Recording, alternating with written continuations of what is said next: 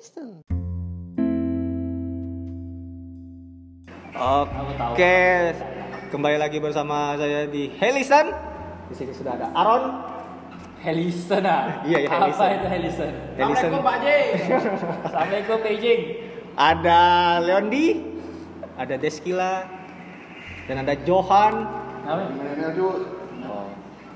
Ya kali ini kita mungkin dapat pertanyaan spontan dari Leondi yang pengen tanya ke kita.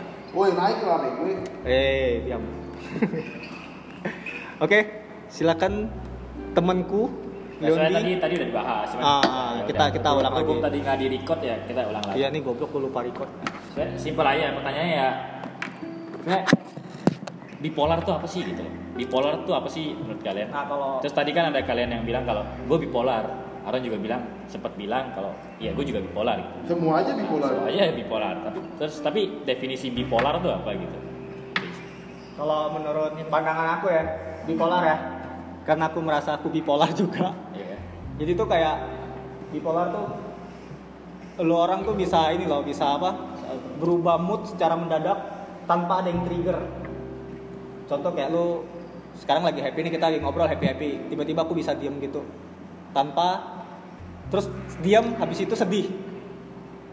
Tapi pas ditanya nggak tahu nih sedihnya sedih apa. Tiba-tiba kenapa sedih aja gitu? Iya, tiba-tiba tanya sedih aja gitu. Padahal nggak ada apa-apa gitu loh. Misalnya habis sedih nih, 5 menit kemudian bisa happy kembali gitu loh. Tahan boker kali. Ah, bisa jadi juga sih Gil. Berarti berarti bisa dibilang aneh lu gitu. Ya, Aneh lu. aneh lu. Tapi sebenarnya ya, kalau dibilang kayak gitu, eh, bipolar pun juga bukan sih. Itu karena mood. bi- Kalau orang zaman sekarang sih bilangnya moody moodian lah ya. Ya nggak sih? Maksudnya kan moody kan wajar dong. Mood tiba-tiba kita lagi happy, kita pengen keluar mood kita eh tiba-tiba hujan, mood Ah. swing. Ah, Nah, itu beda, itu kan itu beda. Itu kan ke trigger. Itu, itu ke trigger. Ah, itu ke trigger. Makanya makanya tadi aku tanya kan, saya bipolar tuh ada yang ke trigger atau yang enggak? Tapi tadi udah dijelasin Aaron ada ada jenisnya yang nge trigger dan yang enggak. Nah, yang pengen aku tanyakan nih yang enggak ke trigger. Yang nggak trigger. Ah, yang soal enggak. Contoh lah ya, Con- co- ah. contoh kayak aku lah, contoh lah. Karena aku sering nggak ke trigger punya orang. Tapi bisa fak, eh, kalau ke trigger itu kayak apa sih kayak kita tuh kadang-kadang ngumpul nih rame, terus tiba-tiba aku pengen sendiri gitu, mendadak pengen keluar dari kelompok itu, pengen duduk sendiri. Nah terus tiba-tiba sedih. Nah habis itu nanti pengen balik lagi ke kelompok itu dan langsung happy lagi gitu loh. Kan paling trigger. Nah kalau yang kedua biasa eh, faktor luka, luka lama lah. Tiba-tiba lu kepikiran, kita lagi ngobrol-ngobrol-ngobrol-ngobrol, tiba-tiba kepikiran kayak, wah dulu gua kayak gini, terus apa akan terjadi lagi gitu. Nah itu bisa tiba-tiba sedih. Kan terjadi lagi. Kaget anjir. Kalau kalau ngomong gitu berarti cewek PMS bisa dibilang bipolar dong. Kan ke trigger. Tadi kan Iya. bipolar ada faktornya Gini, kan, gini, gini. ada faktornya kan. Gini gini gini. Ah. Kalau misalnya swing kayak swing dari seneng dari seneng terus kayak bete, bete doang gitu kayak jadi nyebelin gitu kalau misalnya kayak kayak uh, sebutlah cewek-cewek PMS misalnya jadi sensi gitu sama apa pun kan. Kalau misalnya orang bipolar nih nggak nggak gitu. Mereka bukan bukan bukan dari seneng ke semua orang nyebelin gitu, semua orang annoying gitu, enggak gitu. Tapi dari seneng ke depresi. Depresi itu apa namanya titik bipolar baru dep- Titik terendah lah. ba- baru bipolar Nah, terus ada kalau misalnya cuma mood swing biasa gitu tapi dia nggak depresi bukan bipolar, bukan bipolar tadi gue udah baca di IDN Times Wih. IDN Times IGN. Berarti dampaknya ke depresi. depresi Nah, berarti kalau ada yang kayak gini, ini contoh kasus nih, contoh kasus doang. Eh, kalau kita, oke lah, kita sampai sini kita sebut bipolar itu, eh, kalau tadi kata orang itu bukan penyakit yang kayak genetik gitu, bukan yang dari bawah. Genetik, genetik. Oh, ada, ada ada genetik. Berarti emang da- ada orang yang dari lahir dia tuh bawaannya bipolar. Kita sebut bipolar. Dia dia juga nggak mau gitu. Orang itu juga nggak mau. Tapi ya mau gimana dia bipolar gitu loh. Dia terlahir dengan bipolar. Secara nggak langsung, berarti dia nggak bisa kontrol moodnya dong. Bisa kontrol emosi ya gitu kan. Oke lah kalau cuma sekedar eh, dia dari happy banget jadi sedih banget atau dari happy banget sampai ke titik depresi. Oke lah, itu itu nggak merugikan. Itu yang dirugikan cuma diri dia sendiri. Apa kabarnya kalau emang ada bipolar, orang tipe-tipe bipolar, misalnya pasangan cowok dan cewek, salah satu pasangannya itu bipolar. Misalnya yang dari happy banget misalnya kan, tiba-tiba kayak blek gitu. pecah suasana, pecah suasana. Ya kalau pecah suasana cuman sekedar adu mulut, tapi kalau ada yang seperti kau bilang tadi, yang kayak orang sampai beralih ke ada sisi jahatnya, sisi psikopatnya yang kayak pengen pengen pukul lah, yang Ya. sebenarnya tuh sebenarnya tuh kayak seorang penyang tuh tak mungkin main tangan punya. Ah. Tapi kalau tiba-tiba dia punya uh, kelainan genetik yang dari lahir dia terlahir bipolar, padahal dia tidak mau, tiba-tiba dia pukul pasangannya kayak gitu. Ya. Pertanyaannya, kalau ada yang seperti itu, mungkin nggak ada orang bipolar yang kayak tiba-tiba mood swing, tiba-tiba dia main tangan aja gitu ke pasangannya? Mungkin nggak? Bisa jadi loh, karena Ah. dia ke trigger. Ah, oke, oke. Sampai sana. Tilted bilang. Enggak. Ah, oke lah. Eh, terserah lah dia mau tilted atau nggak tilted karena salah satu jenis bipolar yang tadi yang nggak ke trigger. Oke. Pertanyaannya, bisa nggak orang yang main ta- tangan tadi itu self defense? Sorry lah, kalau aku main tangan, kalau aku main kasar, kalau aku berubah tiba-tiba perbedaan aku buruk karena aku bipolar. Itu bisa jadi self defense dia. nggak? Nah, itu juga yang yang sebenarnya perdebatan, Bre. Nah, Kayak misalnya, kayak misalnya gimana nih, Bre? Gimana, Bre? kayak misalnya, kayak misalnya nih, lu lu mau berbuat jahat nih, Nah, lu masuk rumah orang, nah. terus lu ngambil apa kek, ngambil apa kek, oh gue ini apa namanya? Kleptomania. Klepto, Iya. oh, aku klepto, terus dimaafin gitu. Nah, Terus kalau misalnya dia bunuh orang, oh aku bipolar, nah itu dia. dimaafin gitu. Nah itu dia. Nggak Kalau bisa. menurut gua, kalau menurut gua kalau misalnya emang beneran dia di, apa bipolar disorder at- atau nggak dia kleptomania, ya kalau misalnya ada buktinya, ya Dimaafin. mungkin, ya mungkin Ya. bisa dimaafin atau Ini ini yang mau jadi aku tanyaan sebelum aku tanya apa itu bipolar. Ini yang mau aku concernkan dari awal ke Se- sesuai dengan source Google itu tuh masih ditanyakan juga sebenarnya. Jadi itu dalam apa sih medis ya dunia medis ya. Dalam dunia medis pun mereka nggak nggak ngerti juga gimana tuh si bipolar ini. Oke oke oke oke. Kita kasih contoh konkret aja. Dia nih Deskila perempuan punya pacar aku nih Leodi. Ah. Aku bipolar nih. Nah, Aku tapi yang, aku yang pukul dia. Kalian tahu aku nih tak pernah main tangan, bahkan aku nggak ada track record berantem sama siapa pun. Tiba-tiba aku lakukan KDRT misalnya sama dia. Wah. Aku pukul segala macam. Allah, Allah. Terus tiba-tiba Aduh, ngebang. Aduh, aduh, aduh. jadi buka gitu misalnya kan. Oh bukan itu faktor Oh, sorry, sorry. lemak. faktor. Bawa bawa lemak. Ini body shaming ya sekarang kita Ini nggak body shaming. lagi ini body shaming sekarang. Kok jadi body shaming? Jadi malas gua. Oke, oke lanjut. Oke kalau gitu aku self defense enggak dong ya. Sorry lah ya kalau aku emang pukul, kalau aku emang kasar, kalau aku emang bentak-bentak, aku bipolar. Apakah itu sebagai seorang pelaku yang kalau dari gila kan berarti kan sudut pandang orang kedua itu bisa dimaafkan, itu bisa di tapi Biasanya kayak gitu diputusin deh langsung deh. tapi kalau jadi orang kedua capek loh aku dipukul aku loh yang sakit mungkin Ya, kalau ya, dari ya. kalian orang ketiga bilang kayak udahlah maklumin lah dia bipolar lah kayak Nggak dia bisa. dia juga nggak mau jadi bipolar gitu tapi emang kan kalau tadi source tadi kan bilang kan ada sesuatu yang bisa nggak nge-trigger tapi tiba-tiba mood swing Ah, gitu kan Ah. benar? Ah. berarti sebenarnya orang yang nge-self defense dia ngomong dia bipolar padahal dia ngelakuin hal uh, jelek sama kayak contohnya si Aaron bilang dia punya penyakit klepto dia ke rumah orang dia ngambil dia dia- ses- orang tidak bisa salahkan dia karena dia punya kelainan klepto. Kita tidak bisa bedakan mana saat dia punya benar-benar niat mencuri sama mana benar-benar klepto dia kambuh ke dia. Sama Makanya- orang kayak kalau aku pukul dia aku orang tidak bisa bedain mana benar-benar bipolar aku kambuh atau benar-benar niat aku emang pengen pukul si gila ini. Gitu loh. Oke. Jadi itu orang yang punya kelainan mental atau orang yang punya penyakit, aku sebutnya kelainan mental ya, dis- uh, bipolar ini. Apa itu bisa dijadikan pembelaan? Kayaknya nggak bisa. Nah, Sedangkan kalau psikopat aja tuh disalahkan. Gini loh, biasanya ya kalau orang bipolar yang sampai main tangan ya, eh, faktor utama kalau dalam hubungan tuh pasti diputusin. Fix dong, karena lu udah pukul pasangan lu sendiri. ah, Faktor kedua ada yang ditahan deh, bukan faktor kedua sih. Contoh kedua tuh ada yang ditahan. Jadi dia pengen ngelampiasin, tapi dia tahu kalau ngelampiasin ke pasangan itu salah. Jadi dia ngelampiasinnya ke mana? Ke diri sendiri. Dia siksa diri sendiri. Ini kamu ngomong based on yang dia ke-trigger atau dia nggak ke-trigger? yang dia nggak ke trigger. Iya, yang dia nggak ke-trigger kayak gitu.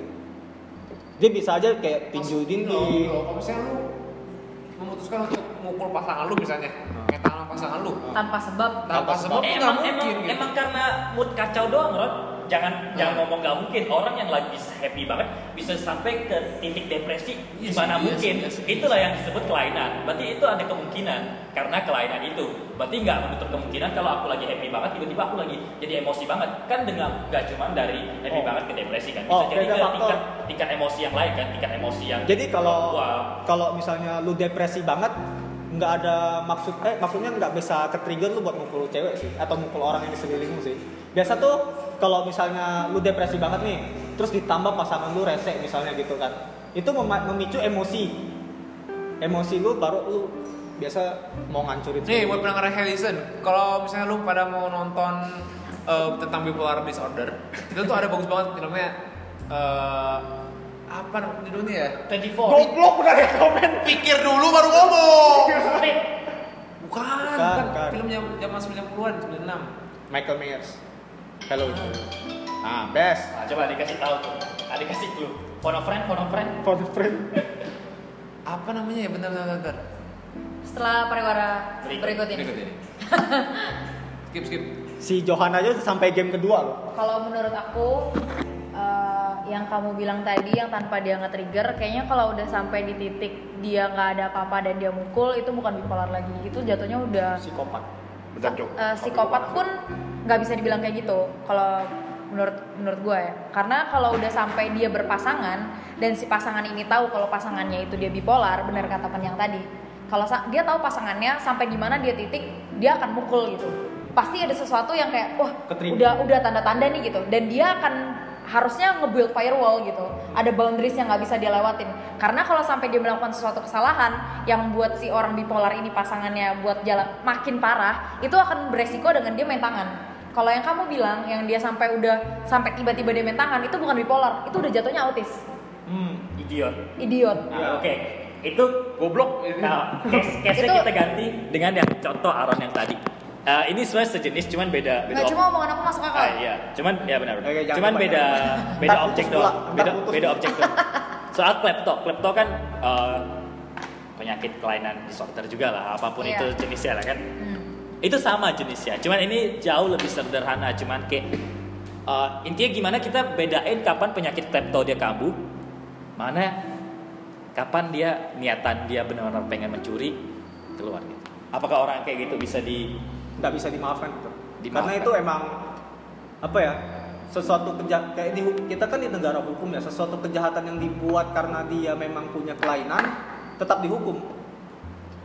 Gue punya kelainan mental gue nggak gue gue gila nih gue orang gila di tengah jalan gue lagi megang pisau nggak sengaja ketusuk orang orang itu mati ya gue ditangkap dong itu beda case. Kalau ini kan Lu kamu tahu yang kejadian. masalah bipolar, eh masalah ini kan Klepto.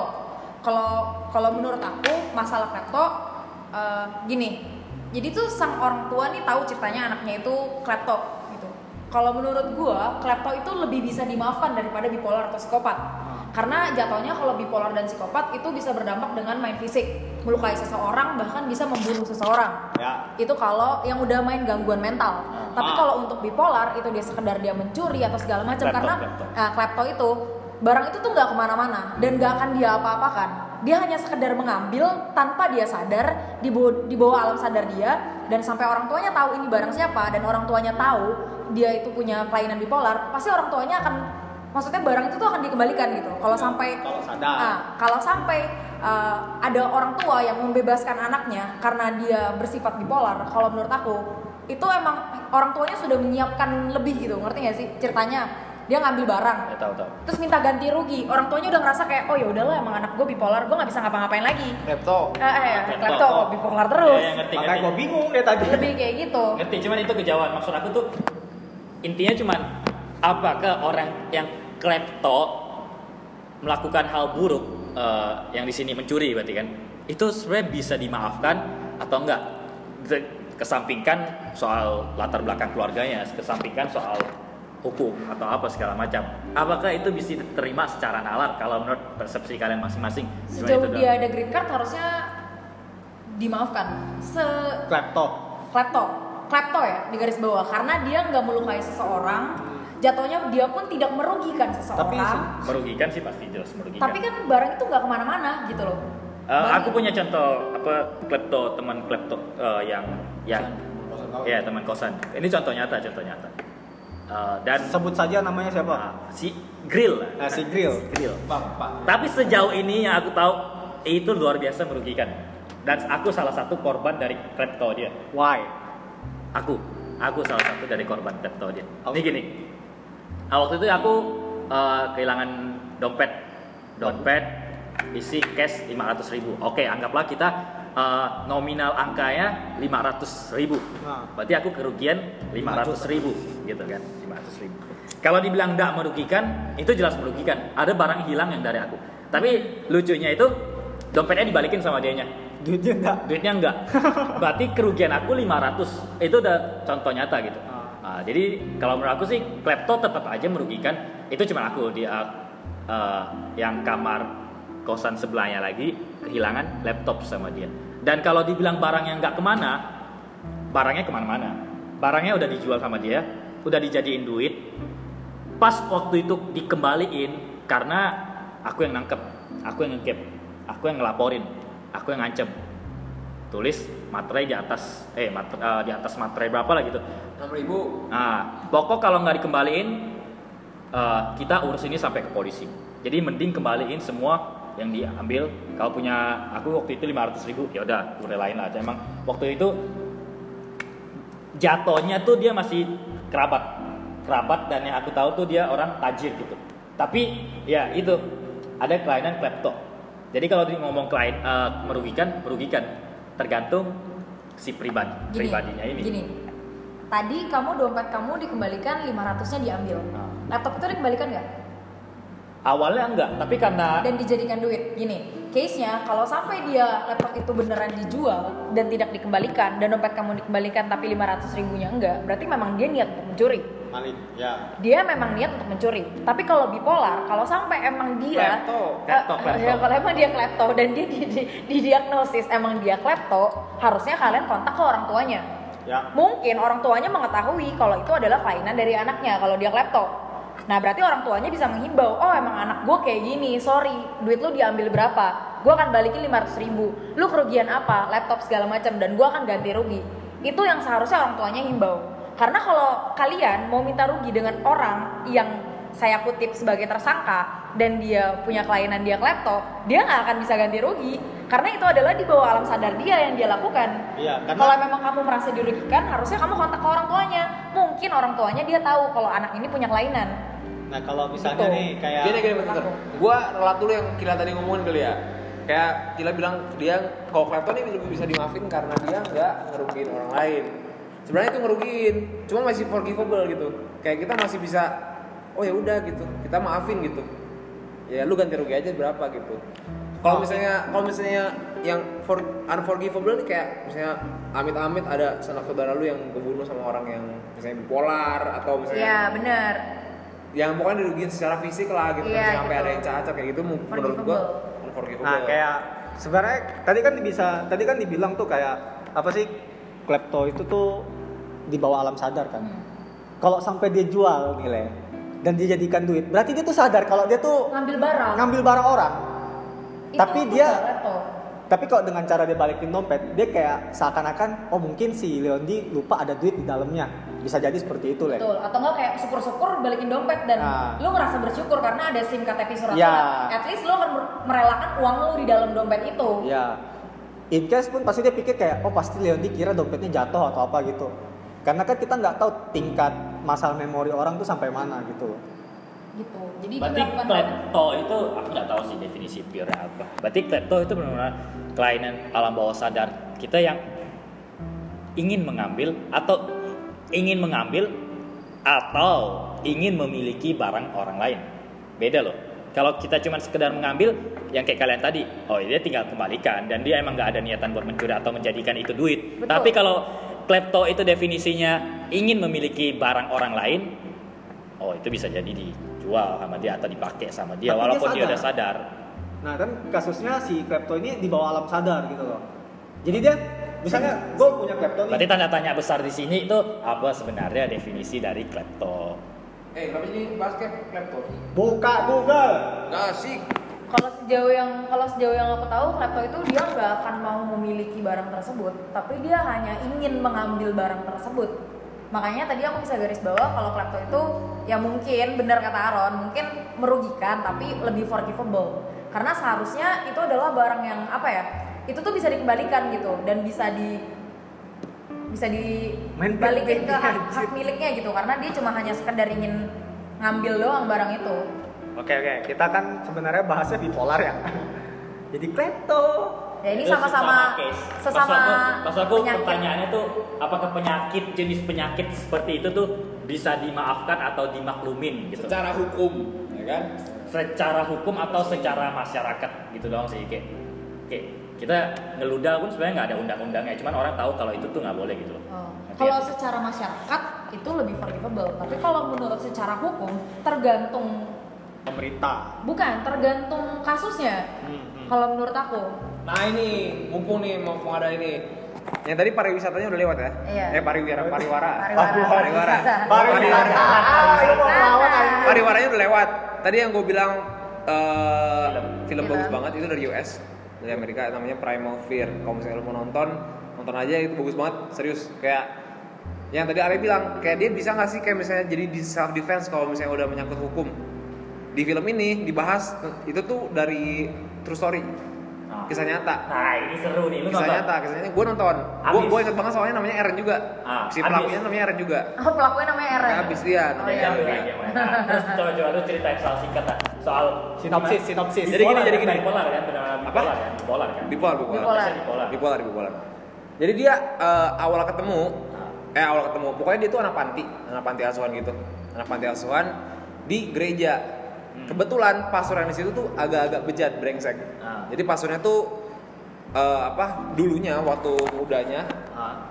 dia sering videoin ini nih mereka suruh berhubungan seksual si anak-anak panti ini di video ini jual Hmm. dan sering dipukul nih kalau nggak mau anak-anak itu Hmm. jadi si Eren ini eh, apa namanya akhirnya dia ngebunuh si pastor ini Hmm. ngebunuh si pastor ini eh, terus kabur nih kabur kabur ketangkap polisi ketangkap polisi di ketangkap polisi dia dia kayak nggak tahu apa apa gitu kayak kayak biasa aja kayak ya kayak bipolar lah gitu kayak ya udah lagi seneng lagi seneng gitu lagi seneng. Terus ada satu pengacara satu pengacara ngobrol sama dia. Si pengacara ini juga pengen terkenal dong karena kasusnya terkenal banget waktu di Amerika. Eh di ajak ngobrol ajak ngobrol kok aneh orangnya? Hmm. si pengacara panggil psikologis psikiater atau apalah gue lupa gue ditanyain di ngobrol-ngobrol-ngobrol kok kayak bipolar gitu. Kayak dia tuh punya kelainan kelainan mental kelainan psikologis gitu yang beda dari yang lain gitu dan agak ekstrim gitu. Eh, udah. Akhirnya dia dimaafin secara hukum le si pengacara menang loh Iya. Set- sebe- sesehari setelah dia keluar dari penjara ketemu sama pengacaranya dia ngaku dia nggak nggak bipolar weh Berarti dia nggak secara sadar? Atau enggak dia nggak bipolar. Dia tahu bipolar itu ciri-cirinya seperti apa. Dia tahu bipolar itu akan dimaafkan secara hukum. Ah, makanya dia pura-pura bipolar. Ah, ah. karena dia tahu dia dulu punya latar belakang yang seperti ini traumatik dan lain-lain. Dia Oh, dendam dia sama jadi itu dia jadi alasan. kedok. Dia jadi Oh. jadi bipolar itu sebagai kedok. Dan yang dan yang gua apa ya yang gua menarik tuh kita ngerti bipolar itu seperti apa dari situ tapi kita juga bisa tahu kalau bipolar itu bisa dipakai Manipulasi. Dipalsukan. manipulasi sama orang-orang yang bener kayak gitu dan itu tuh true story di Amerika makanya jadi di film Jadi dia tuh kayak self defense biar dia nggak ketangkep. Mm-mm.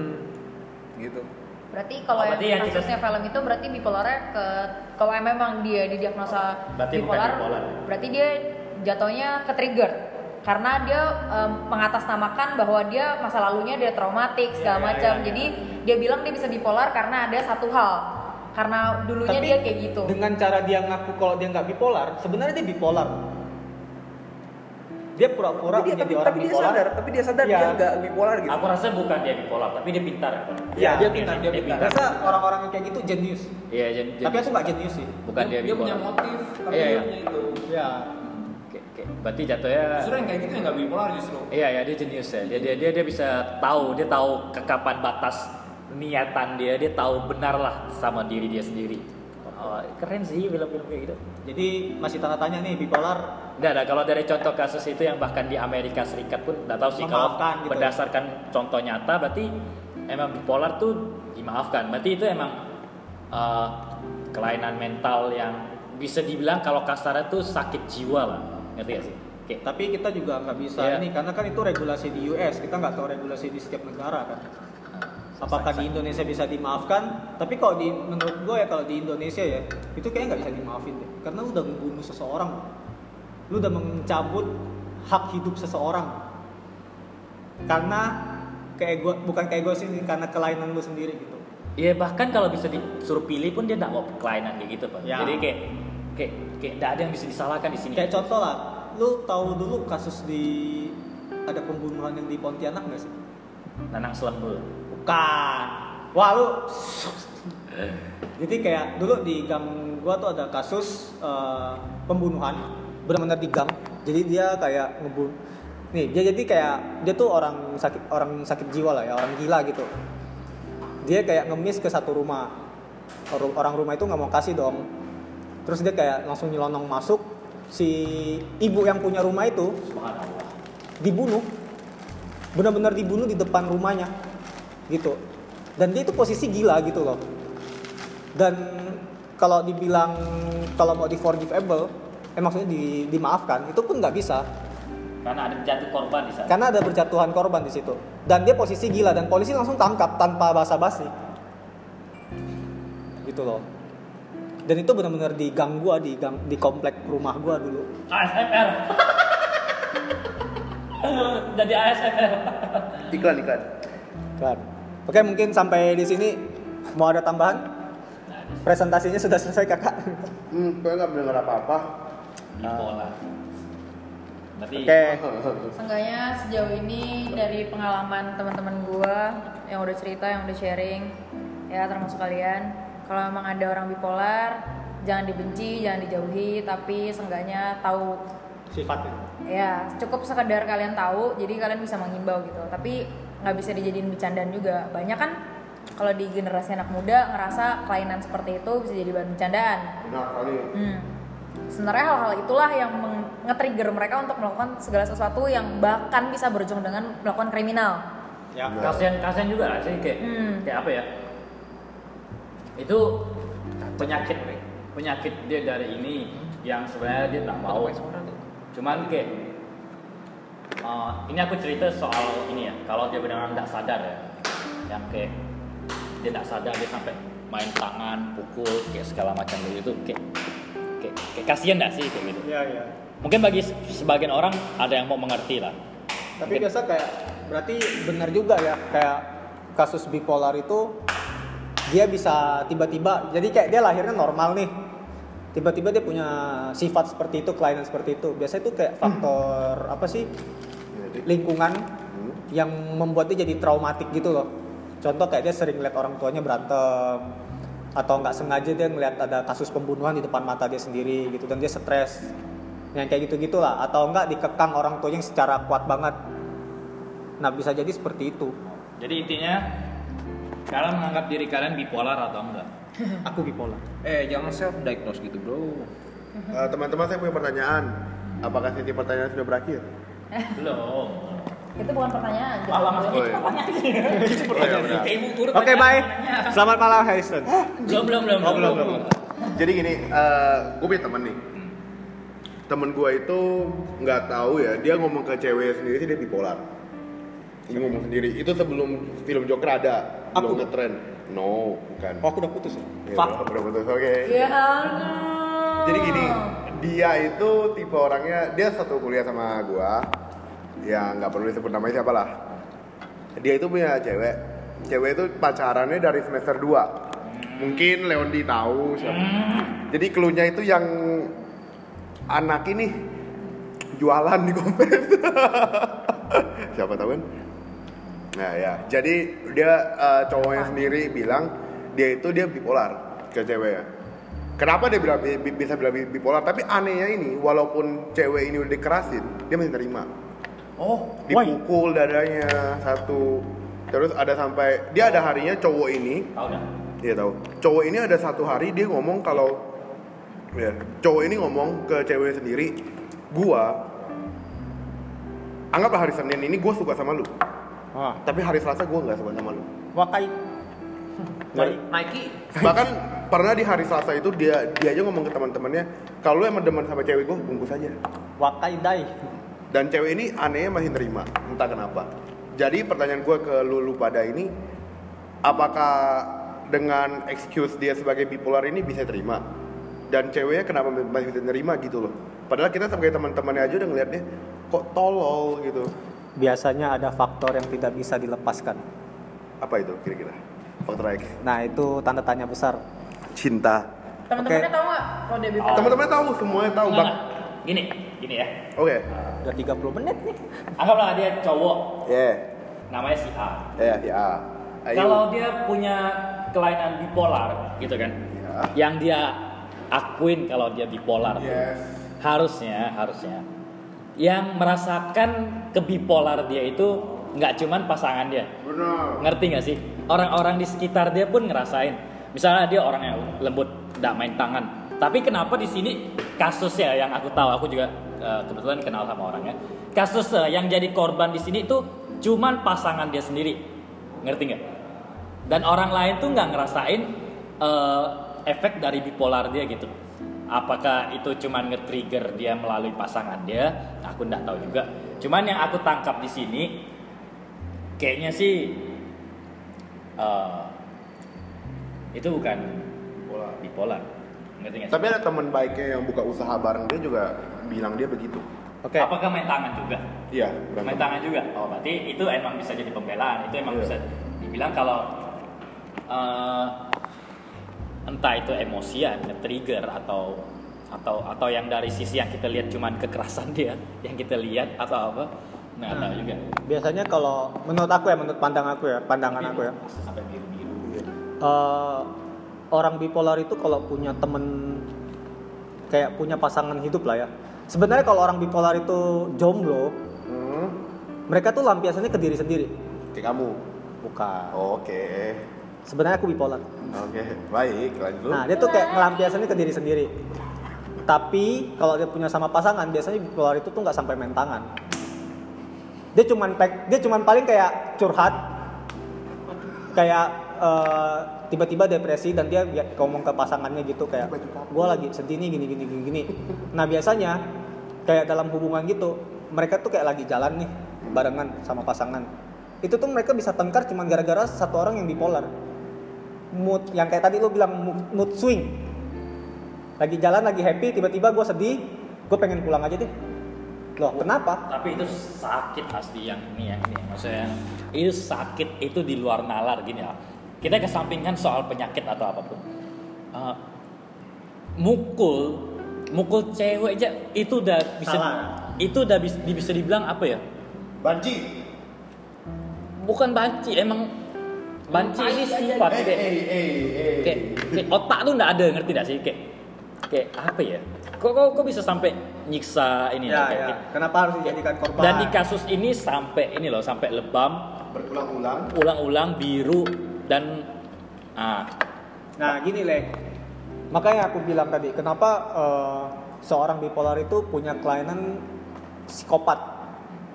Jadi itu dia sebenarnya ada naluri untuk menyiksa seseorang nah yang di sisi lain tuh kayak sebenarnya gue baik gue bisa tiba-tiba jadi empati jadi simpati banget sama seseorang tapi sisi sisi lain gue tuh bisa pengen jadi apa sih nyiksa pengen ngebunuh atau apa gitu ya dengan cara itu ya lampiasin ke pasangan Oh, gitu, ke aku ralat deh. orang-orang terdekat gitu loh aku ralat aja.